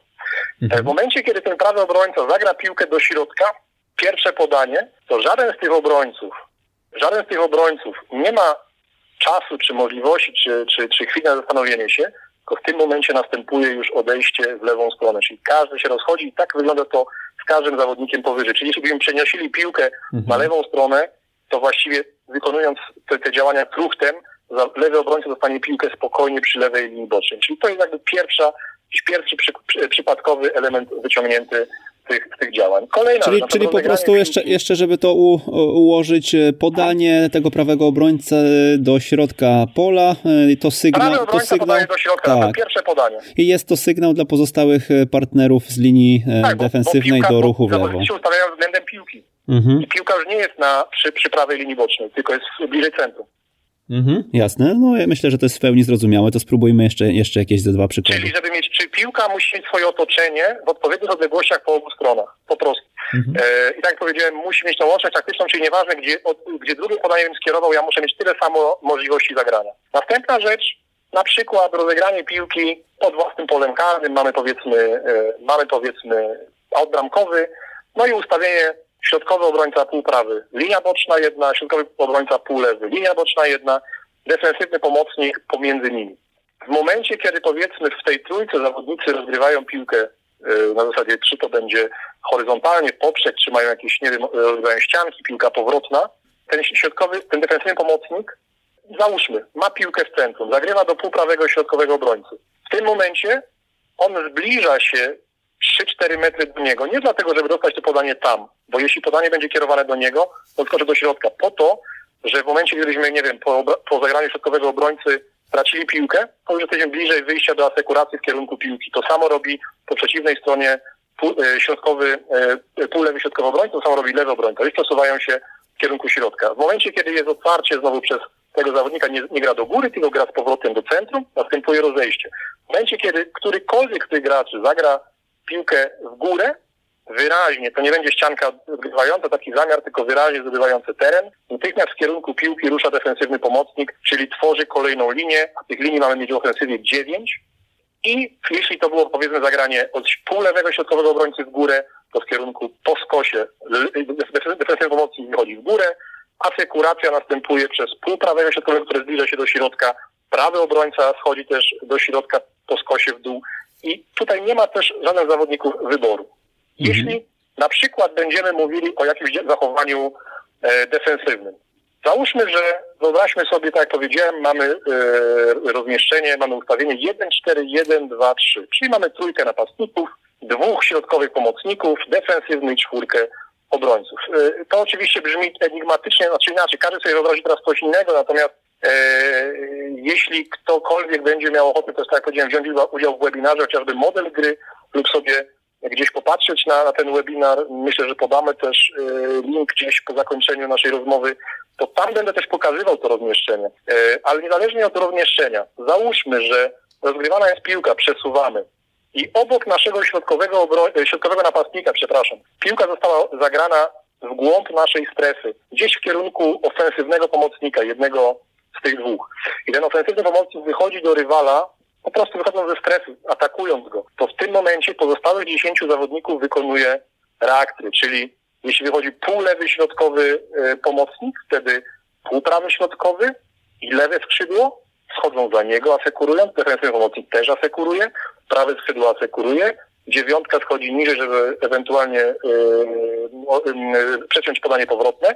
Za tym pół lewym środkowym obrońcą, żeby tam nie było dziury, nie obrońcą, tylko pomocnikiem, żeby tam nie było dziury, rusza pół lewy środkowy obrońca, no bo wiadomo, logiczne jest, to działa jak mechanizm, żebyśmy byli na, na linami powiązani. Jeśli pół lewy środkowy e, pomocnik wychodzi wyżej, to tam się tworzy luka. Nawet tam podchodzi pół lewy środkowy obrońca i sytuacja asekuracji jest identyczna. Lewa, lewy obrońca, pół prawy środkowy obrońca i prawy obrońca zawężają, czyli bramkarz wychodzi wyżej. Czyli, czyli zadanie dla wszystkich zawodników i niezależnie od tego, kto wyjdzie, kto będzie e, musiał w tym momencie e, zareagować defensywnie, cała reszta reaguje i to nie ma, nie ma wyboru, to jest wypracowane. No pięknie pan nam to zobrazował. Ta, ta druga sytuacja, ja sobie pomyślałem o tym, że też dodatkowo szóstka e, wyciąga przeciwnika za sobą i też troszkę rozluźnia e, środek pola, gdzie robi się przestrzeń do, do ewentualnego Mówi zagrania. Do zagraniu. Tak, tak, tak. Do, o, o, tym, o tym zagraniu do mm, pra, półprawego e, środkowego obrońcy, o którym pan mówił. No myślę, że to, to jest clue, to jest clue tych naszych rozmów. Liczymy na takie konkrety. Takie zobrazowanie sytuacji też może zainspirować do tworzenia własnych modeli modeli. E, mam e, już kolejny wątek też w głowie, ale jeszcze, jeszcze uzupełnijmy, jeśli jest Pan w stanie, jeszcze jedną mhm. sytuację, taką ostatnią e, i na tym skończymy, bo oczywiście nie mamy dzisiaj tutaj całej doby na to, żeby, mhm. żeby o Pana modelu rozmawiać, chociaż myślę, że byśmy, byśmy byli w stanie. Natomiast jeszcze jedną sytuację dorzućmy i, i, i płyniemy dalej. Nazwijmy to, skoro mieliśmy dwie ofensywne, to jeszcze dorzucę drugą defensywną. Załóżmy, że rywal znowu operuje piłką, rozpoczęli od bramki, my stoimy gdzieś, powiedzmy, gdybyśmy mówili nomenklaturą klasyczną, na granicy strefy przedostatniej i ostatniej, tam jest środkowy napastnik oczywiście, no i przesuwamy. Czekamy na sygnał do pressingu i pierwsze przesunięcie do bocznego obrońcy jest przesunięciem, nazwijmy to, kontrolującym, czyli tu jeszcze nie, nie presujemy. No i, i wtedy yy, przy pierwszym przesunięciu, gdzie nie presujemy, mamy odpowiedni układ. To znaczy yy, skrzydłowy do, dotyka linii. Po to, zobaczcie, trenerzy drodzy, jak bardzo często te, te piłki przechodzą. Podanie do prawego obrońcy, piłka wzdłuż linii, pięciu, sześciu zawodników miniętych, e, no i, i wtedy mamy problem, bo, bo musimy biec 70-80 metrów, bo na przykład jeszcze nie było kompaktowego rozmieszczenia. A załatwić to można w prosty sposób. Spo, spokojnym przesuwaniem się, tylko w tempie, dlatego wtedy można, nie trzeba biegać szybko. E, dotyka skrzydłowy linii, czyli zamykając linię podania po ziemi. Jeśli rywal by chciał zagrać górą, nam to grają, wtedy presujemy. E, zamykamy podanie po ziemi. To jest jedna rzecz. E, skrzydłowy. Następnie pod kątem niżej stoi półprawy, na przykład jeśli to był prawy skrzydłowy, półprawy e, środkowy pomocnik. Jeszcze niżej pod kątem, idąc w lewą stronę, defensywny pomocnik. Wyżej e, wyżej od defensywnego, a delikatnie niżej od półprawego środkowego jest półlewy środkowy i na osi boiska E, na osi boiska, ale nie najwyżej jest skrzydło. Na osi boiska jest skrzydło, ale jest pomiędzy, pomiędzy półlewym środkowym, a defensywnym. Dlaczego jest tutaj? To jest pierwsze pytanie. Dlatego, że w momencie, kiedy nie presujemy, rywal ma więcej miejsca. Co oznacza? Może przenieść ciężar na przykład jeśli potrafi dobrze, długim podaniem. Gdyby skrzydło stało wysoko, to przy długim podaniu jakby nie zdążył, zostałby minięty, zostałby właśnie miniętych na przykład pięciu, sześciu zawodników. Jeśli staje niżej, zawsze jest w stanie zabiec drogę rywalowi. I albo pójdzie podanie na stratę, albo zatrzymamy przeciwnika. Ale to jeszcze nie wszystko. Jeśli zamykamy linię boczną po stronie mocnej, czyli po stronie piłki, to wtedy nie musi wcale prawy obrońca dotykać tej linii, czyli nie musi przemieszczać się tak głęboko, tylko wystarczy, bo ta piłka po ziemi tam nie dojdzie, tylko wystarczy, będzie, ja nazywam w okienku pomiędzy prawym skrzydłem a półprawym pomocnikiem będzie zamykał, tutaj budował trójkąt. Czyli jest jakieś 5-6 metrów od linii bocznej, czyli te poprzek przy przesuwaniu, te odległości się już zmniejszają, a dzięki temu jakby układając czterech obrońców w identycznych odległościach, ten lewy obrońca e, po przeciwległej stronie jest te 5-6 metrów w, w, w głąb e, drugiej części boiska, czyli nie musi stać na osi. A co to powoduje? No właśnie też to, że te 5-6 metrów bliżej, jeśli zawodnik zagra długim podaniem, przed krzyżowym, bo jeszcze nie presujemy, to, te, to tych piłek to on będzie, to on będzie przynajmniej w stanie powalczyć, a cała, cały zespół się przesunie tego, żeby zabrać długą piłkę. Więc takie niuanse są istotne, gdzie przy, wzajemnej, przy, przy wzajemnym rozmieszczeniu, przy współpracy zespołu jesteśmy w stanie znaleźć rozwiązania, tak jak powiedziałem wielokrotnie, znaleźć rozwiązania w stylu matematycznym, w stylu formuł, bo ja uważam, dlatego powiedziałem o kategoriach sytuacji boiskowych, a nie o sytuacjach boiskowych, bo nikt nie jest w stanie przewidzieć wszystkich sytuacji boiskowych przy tak wielkim placu gry, przy 22 zawodnikach, jednej piłce, która się szybko e, przemieszcza. Ale ja jestem w stanie schować do szuflad e, moje e, kategorie sytuacji boiskowych i znaleźć na nie rozwiązania, czyli, bo po meczu każdy jest mądry, wie, że 2 plus 2 jest 4, 5 plus 5 jest 10. Natomiast my nie mamy analizować i przygotowywać się do meczu poprzedniego, tylko mamy rozwijać zespół na przyszłość. A to znów oznacza, że ja muszę znaleźć, czy powinienem, czy chcę znaleźć takie formuły, czy wzory, że niezależnie od podstawianych wartości, czyli jak gra rywal, w jaki sposób jest rozmieszczony, ja zawsze znajdę właściwe rozwiązania. Te szczegóły temu służą. Mhm, myślę, że jak ktoś słucha nas w samochodzie, to musi zjechać na pobocze, bo e, wyobraźnią jest na pewno e, gdzieś daleko od drogi, a konkretnie na boisku, żeby sobie to zobrazować, na pewno jest e, to potrzebne. No musimy niestety przyspieszyć, ale bardzo tutaj ciekawie nam pan to tutaj zobrazował, więc, więc myślę, że na pewno jak ktoś będzie chciał stworzyć coś podobnego, to już wie od czego powinien zacząć mm, Ile tworzył Pan ten model i, i swoją wizję futbolu? No i jeszcze zapytam, czy kimś się Pan inspirował? Tworzenie było bardzo długim e, przedsięwzięciem, dlatego że pierwszą licencję, którą zdobyłem, zdobyłem w 2007 roku, e, licencję trenerską, ale na pewno nie byłem wtedy jeszcze trenerem, bo to są dwie różne rzeczy. Uważam, że w 2007-2008 roku nastąpił moment, kiedy E, zyskałem moje przekonania. I tak zaczęła się ta droga. Przez dwa lata na pewno ciężko, 2010 roku, gdzie zanim e, trafiłem do WKS-u Katowice, prowadziłem już samodzielnie jako trener i dyrektor sportowy jeden e, z klubów i tam oczywiście już miałem model gry gotowy, ale jak go porównam z modelem gry, który miałem na przykład 5 lat temu, to on na pewno nie był tak kompleksowy, więc na pewno to są długie lata pracy i tego nie da się jakby skrócić.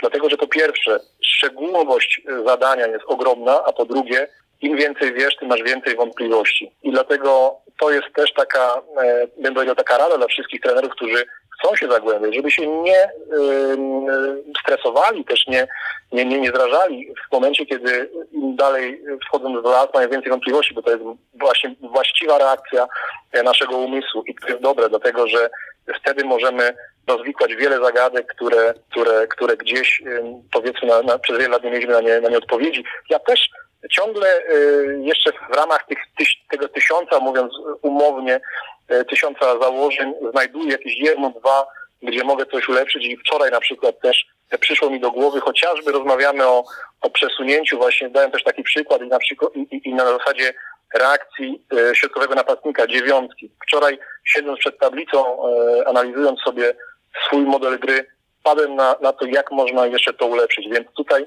to nie jest produkt, e, znaczy to jest właściwie produkt prawie końcowy, ale zawsze można e, coś poprawić. To jest jakby, to jest jakby czas. E, niech pan mi przypomni, bo tak się rozpędziłem, zapomniałem jakby drugą część tego pytania. O inspirację. Aha, okej. Okay. Wie pan co, ja generalnie wszystko, co stworzyłem w życiu, stworzyłem na bazie swoich przemyśleń. E, mimo, że uwielbiam książki, to na temat piłki nowej taktyki nie przeczytałem ani jednej, ponieważ chciałem być zawsze sobą. Jedyne, e, nazwijmy to, e, konfrontacje moje z innym sposobem myślenia to jest codzienna praca, rozmowy, i wtedy dobrze wiedziałem, co mi się nie podoba i co, co odrzucić. Natomiast jeśli mam powiedzieć, jedyna drużyna, która można powiedzieć z, pozostałych zespołów, nie takich prowadzonych przeze mnie, czy, czy, czy nigdzie, powiedzmy, drużyn, których, przy których miałem udział, która była dla mnie nie tyle może inspiracją, ile po prostu była dla mnie najlepsza drużyna, jaką widziałem kiedykolwiek. To jest Barcelona Guardioli z 2009 roku. I nigdy się na tym nie wzorowałem, bo dla mnie, tak jak powiedziałem, ważne, był, ważna jest własna tożsamość, natomiast jakbym miał się podpisać jedną i drugą ręką, to była to właśnie ta drużyna. Powiedział Pan w wywiadzie dla Sportfolio.pl Nie ukrywam, że moja wizja piłki nożnej różni się diametralnie od 95% osób w Polsce. Nazwał Pan swoje warsztaty, cykl warsztatów w zasadzie, bo ich się odbyło chyba kilkanaście. Piłka nożna, poznaj ją od nowa. Jest Pan osobą kontrowersyjną? To już jest kwestia odbioru. Ja tak nie uważam. Powiem szczerze też, że tak naprawdę, jeśli chce się być sobą, to, to, to e, nie, nie wolno zwracać uwagi na to, co mówią inni. Ja tak zawsze robiłem i to jest moja droga, którą kroczę. E, ja nie uważam się za kontrowersyjnego, no bo jeśli ktoś ma swoje zasady, ma swoje zdanie, nie boi się go artykułować, ma ku temu odwagę, nie chowa się za, za słupek, jeśli ktoś go o to pyta, no to uważam, że to jest po prostu dojrzałość. Kontrowersja to byłoby silenie się na jakieś e, wypowiedzi czy, czy jakieś działania, które nie są, e, nie należą do, do, do, do tożsamości danego człowieka. U mnie jest zupełnie inaczej. E, faktycznie powiedziałem, tak powiedziałem, że 95% ludzi ma inne zdanie ode mnie, bądź ja mam inne zdanie od, od, od tego grona ludzi, bo taka jest prawda, bo inaczej ludzie rozumieją piłkę, inaczej ją widzą.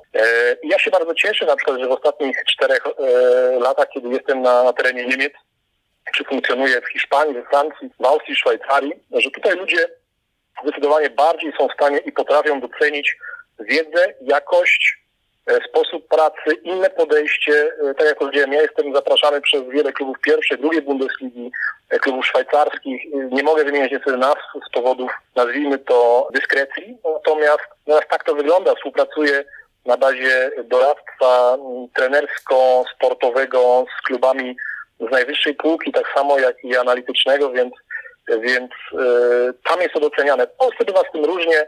Ja akurat nie mam z tym żadnego problemu, bo, bo tak jak powiedziałem, ja jestem człowiekiem szczęśliwym, który pracuje po swojemu, a na pewno nie wszyscy mogą powiedzieć o sobie to, że, że pracują tak, jakby chcieli. Kiedyś pamiętam na warsztatach zapytałem pana, czy trener nie powinien się dostosować do zawodników, których spotyka w danym klubie. No i myślę, że to jest też taki przedmiot, który, z którym Pan dosyć bezkompromisowo, myślę, staje naprzeciw e, większości chyba trenerów na świecie. E, pan ma swój model i gdzie Pan nie przyjdzie, uważa Pan, że powinien ten model e, być wdrażany, prawda? Natomiast no jednak, jednak, jednak zazwyczaj dostosowujemy się jako trenerzy, mówię tutaj o całym środowisku, do piłkarzy, których spotykamy w danym miejscu. Jakby pan na to odpowiedział? Uważam, że ten, ten trend, ta moda spowodowana jest nawet, może w części przypadków tak, ale w wielu przypadkach jest spowodowana zupełnie mm, innymi e, obszarami niż tym, że ktoś ma takie przekonanie. Uważam, że właśnie to, co powiedziałem wcześniej, że, że trenerzy w bardzo rzadkim e, stopniu, czy bardzo małym stopniu mają wypracowany swój model gry, dlatego przychodząc do jakiejś drużyny e, próbują, mówiąc potocznie, E, dziergać coś na szybko, próbować jakoś e, dostosowywać swój sposób, nie model, sposób gry, bo model musi być kompleksowy.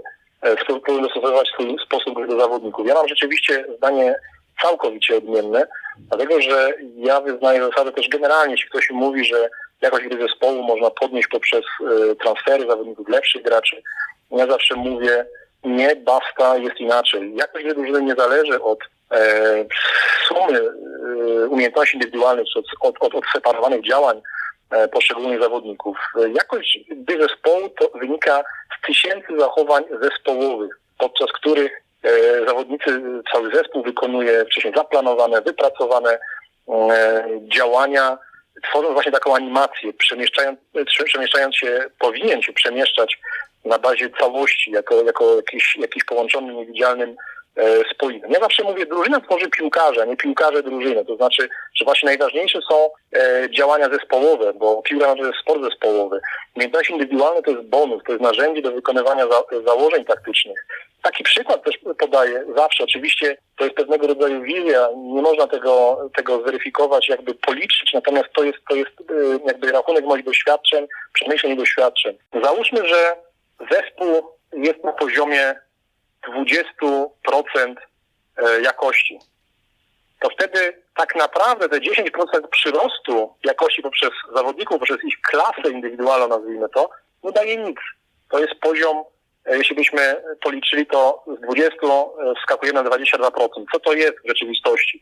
Jakieś raz na 30 minut podanie na jeden kontakt przyspieszający, to jest jakiś odbiór E, wyprzedzający, to jest jakiś dribbling, ale co z tego, skoro tę piłkę odgrywamy i potem mamy ten sam maraton. Natomiast zespół, który ma trenera posiadającego bardzo ciekawy, kompleksowy, funkcjonalny model odpowiednią metodykę, model analityczny, e, posiadający odpowiedni plan rozwoju zespołu, może w ciągu kilku miesięcy już e, o 10% podnieść jakość tego zespołu i ciągle iść do przodu. Dlatego, że po pierwsze E, zawodnicy, którzy przychodzą do zespołu, który nie jest zorganizowany, no nie mogą e, pokazać swoich umiejętności, bo nie ma koordynacji działań całej, całej jedenastki. A po drugie, no ja też wyróżniam umiejętności e, i dzielę je na bezwzględne i względne. Bezwzględne, czyli te, które zawodnik posiada, czyli na przykład zawodnik klasy światowej ma, nie wiem, na poziomie jakimś z utopijnych 100%, 70-75%. Natomiast w momencie, kiedy wchodzi do zespołu niezorganizowanego, jego umiejętności indywidualne względne, czyli te, które pokazuje na, na, na bazie zespołu, na, na boisku, mogą spaść drastycznie do 20-25%, przy czym inny zawodnik, który ma zdecydowanie mniejsze umiejętności bezwzględne, na bazie tych względnych, czyli drużyny właściwie rozwijającej się, może natychmiast go wyprzedzić. To dzieje się na bazie sześciu różnych komfortów, powiem tylko krótko, komfort czasu, przestrzeni w każdej kategorii sytuacji boiskowej, komfort taktyczny, komfort motoryczny, psychomotoryczny, psychiczny. I tak to wygląda, dlatego też drużyna tworzy piłkarzy, czyli drużyna tworzy charakterystyki każdego zawodnika. Nie ma gracza, żeby się nie był w stanie dostosować do jakiegoś konkretnego sposobu grania. Mhm. E, Im wyższy poziom piłkarski, tym, e, mm, tym większa jest presja wyniku.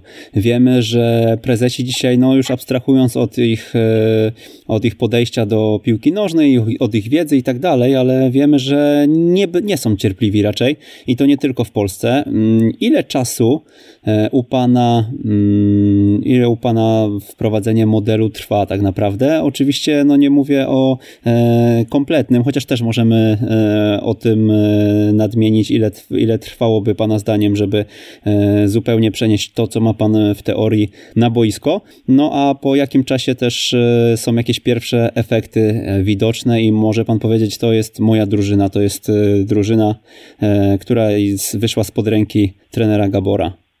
Jeśli chodzi o brak cierpliwości, to tutaj akurat y, też nie wolno mylić przyczyny ze skutkiem. To znaczy, Ważne jest to, żeby rozumieć, że niestety tak jest też w większości krajów europejskich. E, a jak patrzę na Polskę, to pamiętam te czasy i do dzisiaj to obserwuję.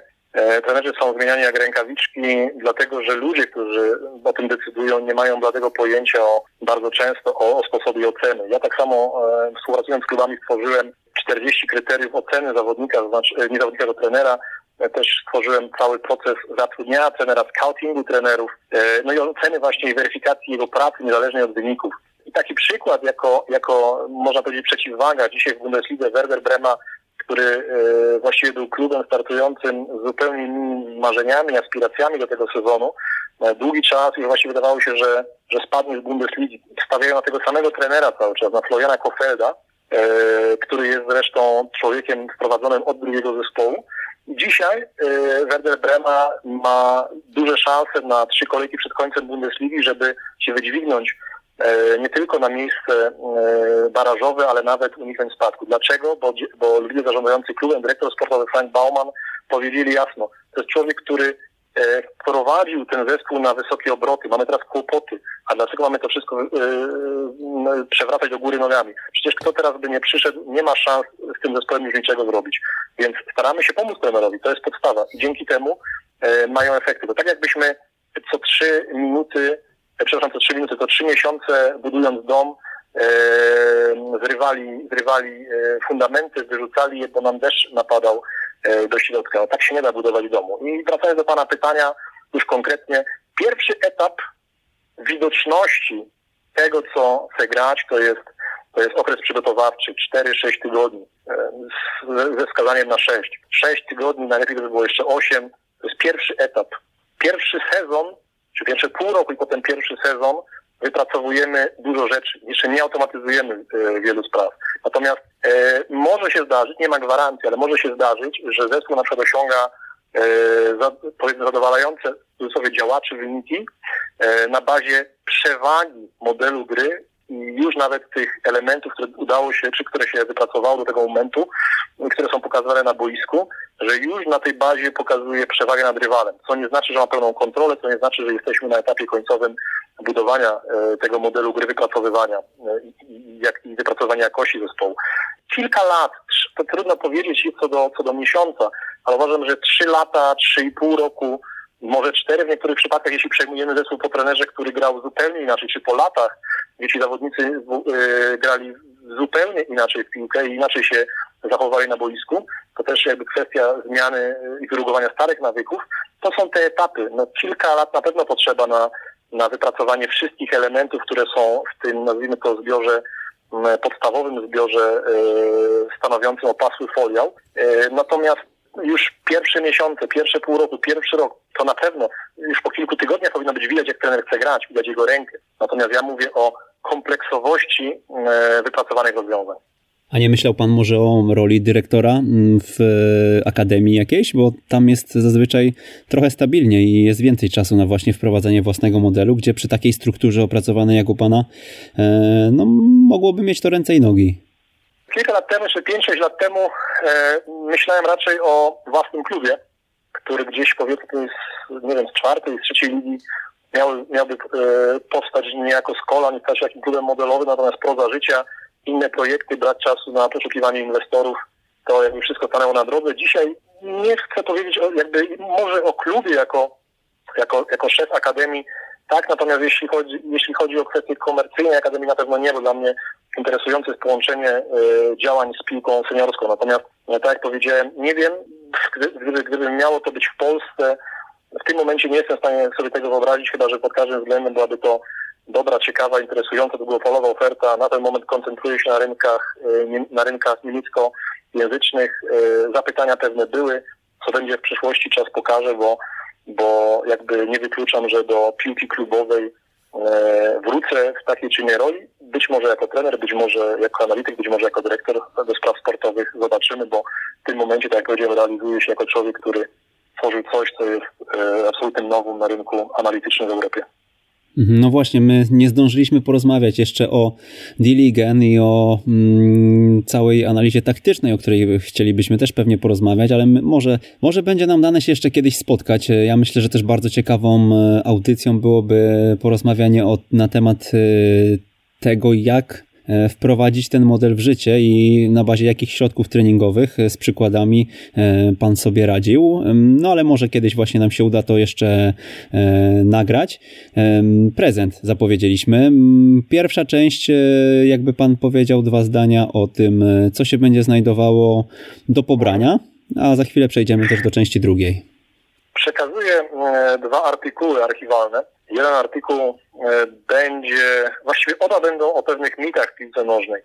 E, jeden będzie opowiadał o micie ustawienia defensywnego i ofensywnego, drugi artykuł będzie właśnie jakby nawiązaniem do naszej dzisiejszej rozmowy, czyli e, zanegowaniem tego, tego mitu o umiejętnościach indywidualnych jako kluczu do, do podniesienia jakości gry zespołu. Tam będę oczywiście też w pewnym skrócie, ale przedstawiał moje, moje spojrzenie diametralnie inne od, od tego trendu. Mhm, no to te artykuły e, roześlemy, ale żeby je rozesłać, musimy e, mieć Was na naszej newsletterowej liście. Ja, my dostajemy dużo pytań na ten temat, jak to zrobić, jak otrzymać prezent. To jest bardzo proste. ekstratrener.pl po prawej stronie w menu newsletter znajdujemy miejsce, w którym trzeba podać swoje imię i adres e-mail. Wtedy po potwierdzeniu tego maila otrzymujecie cały zestaw link z potwierdzeniem e, newslettera i tam cały zestaw prezentów od wszystkich gości, którzy u nas już byli. Jak jesteście zapisani na listę, no to zawsze w niedzielę rozsyłamy wiadomość i tam e, jest też bezpośredni link do PDF-ów od naszych gości, więc tam będą też materiały od trenera Marcina Gabora, a drugi prezent, e, tutaj jeszcze nawiązując, oczywiście w opisie tego odcinka znajdziecie również wszystkie linki do inicjatyw pana Marcina i do tego, o czym dzisiaj rozmawialiśmy, również do webinarów e, i poniekąd e, mówię o tym dlatego, że z webinarami jest związany e, konkurs, a nie prezent może. I o konkursie słów kilka poproszę naszego gościa. Tak, ufundowałem jeszcze trzy darmowe karty wstępu, o ile na, o webinarach można tak powiedzieć. na pewno trzy darmowe dostępy do webinarów. Dzisiaj mamy ich jeszcze 11 w harmonogramie. Dwa z nich się już odbyły, to jest właśnie teoria taktyki według Marcina Gabora, czyli według mnie, i drugi to jest model gry, autorska struktura, co też doskonale pasuje do naszej dzisiejszej rozmowy. No i też pojawią się tam, e, czy już się pojawiły webinary dotyczące teorii analizy taktycznej, mojego konceptu analizy kontekstowej, dotyczące produktów analitycznych, programów do analizy, no i oczywiście też, co, co podkreślam za każdym razem, związane e, z psychologią, która ma pomagać trenerowi. No to zrobimy konkurs taki jak e, ostatnio. Mm, mianowicie napiszcie, co zapamiętaliście z tej audycji. Myślę, że było dzisiaj sporo miejsca na to, żeby stworzyć własne notatki, a to, co zostało Wam w głowie, w jednym, dwóch zdaniach wystarczy, żeby opisać i wysłać mailem do trenera Gabora. Pierwsze trzy osoby otrzymują dostęp do, myślę, ciekawej, ciekawego uzupełnienia tego odcinka. E, zaznaczę też jeszcze, że dostaliśmy kilka wiadomości ostatnio mm, w czwartek, mm, czy w piątek, bezpośrednio po audycji, natomiast e, no, później te maile już nie spływały, więc y, pamiętajcie, że wcale e, tych chętnych e, po takie, po takie nagrody nie ma mm, wielu, więc jeśli minął e, drugi, trzeci dzień i, i myślicie sobie, że już pewnie ktoś wysłał, to zawsze warto spróbować, nie jest to dużo zachodu. Ja jeszcze poproszę tylko trenera o to, żeby podał jakiś namiar na siebie i pod ten adres prosimy kierować. Wiadomości z tytułem też proszę zasugerować to będzie adres biura Karierę Pro, czyli marki, do której e, odwiedzenia, czy też strony i portalu też zapraszam, bo, bo też może tylko powiem jeszcze jedno słowo. Karierę Pro to, tak jak powiedziałem, portal pierwszy w Europie e, rekrutacyjno-profesjonalny, e, rekrutacyjno-doradczo-edukacyjny, gdzie też można sięgnąć po pewne aspekty doradcze, można poszukać pracy piłce nożnej, jest już sporo ogłoszeń, można się rozwijać, można rozwijać swój profil, trenera, ale nie tylko, to jest miejsce dla ludzi, e, którzy pełnią wiele roli e, w piłce nożnej. I tutaj poproszę o, adre, o wysyłkę wiadomości pod adres biuro małpa karierepro.pl pierwsze R podwójne. Biuro małpa też, też ten adres wpiszemy oczywiście w opis odcinka. Eee, trenerze, dwie minuty nam zostały. Kto miał największy wpływ na Pana życie? Na pewno poza moimi rodzicami. Na pewno sportowo i piłkarsko e, na pierwszym etapie mojej, mojej przygody z futbolem miał na pewno trener stawowy, bo to od niego właściwie zapamiętałem jedno zdanie, które e, te 14 lat temu, które tak naprawdę e, pozwoliło mi wypracować swoje zasady piłki nożnej. Zdanie brzmiało mniej więcej tak, dlaczego uważasz, że ktoś jest piłce nożnej mądrzejszy od ciebie i dlaczego masz się na nim wzorować? Weź kartkę, weź ołówek i próbuj robić to po swojemu. A z jakim zdaniem pan chciałby zostawić naszych słuchaczy? Szukajcie swojej drogi, e, szukajcie swojej tożsamości piłkarskiej, dlatego że nie ma lepszego w życiu komputera, nie ma lepszej pozycji książkowej niż wasza głowa, niż, niż, niż e, wasze przemyślenia. Jeśli będziecie e, sobą, to nigdy nie będziecie skazani na to, że popełnicie cudze błędy, tylko ewentualnie własne, a na nich się można uczyć. To był 88 już odcinek Jak uczyć futbolu. Ja jestem e, bardzo zbudowany tym, że mm, no, z tygodnia na tydzień, e, mimo że tych odcinków już było aż tyle, no słyszymy o czymś nowym, słyszymy mm, o czymś, co może nas rozwinąć jako trenerów, o czymś, co może nas zainspirować, za co dzisiaj serdecznie dziękujemy trenerowi Marcinowi Gaborowi. Dziękuję bardzo. I ja również dziękuję. Przemysław Mamczak. Do usłyszenia za tydzień. Jeżeli podobał Ci się ten odcinek, mamy do Ciebie prośbę: poinformuj jednego znajomego trenera o tym, że istnieje taki podcast jak Jak uczyć futbolu. To pozwoli nam dotrzeć do znacznie większego grona odbiorców niż obecnie, za co Ci z góry pięknie dziękujemy. Raz jeszcze, do usłyszenia.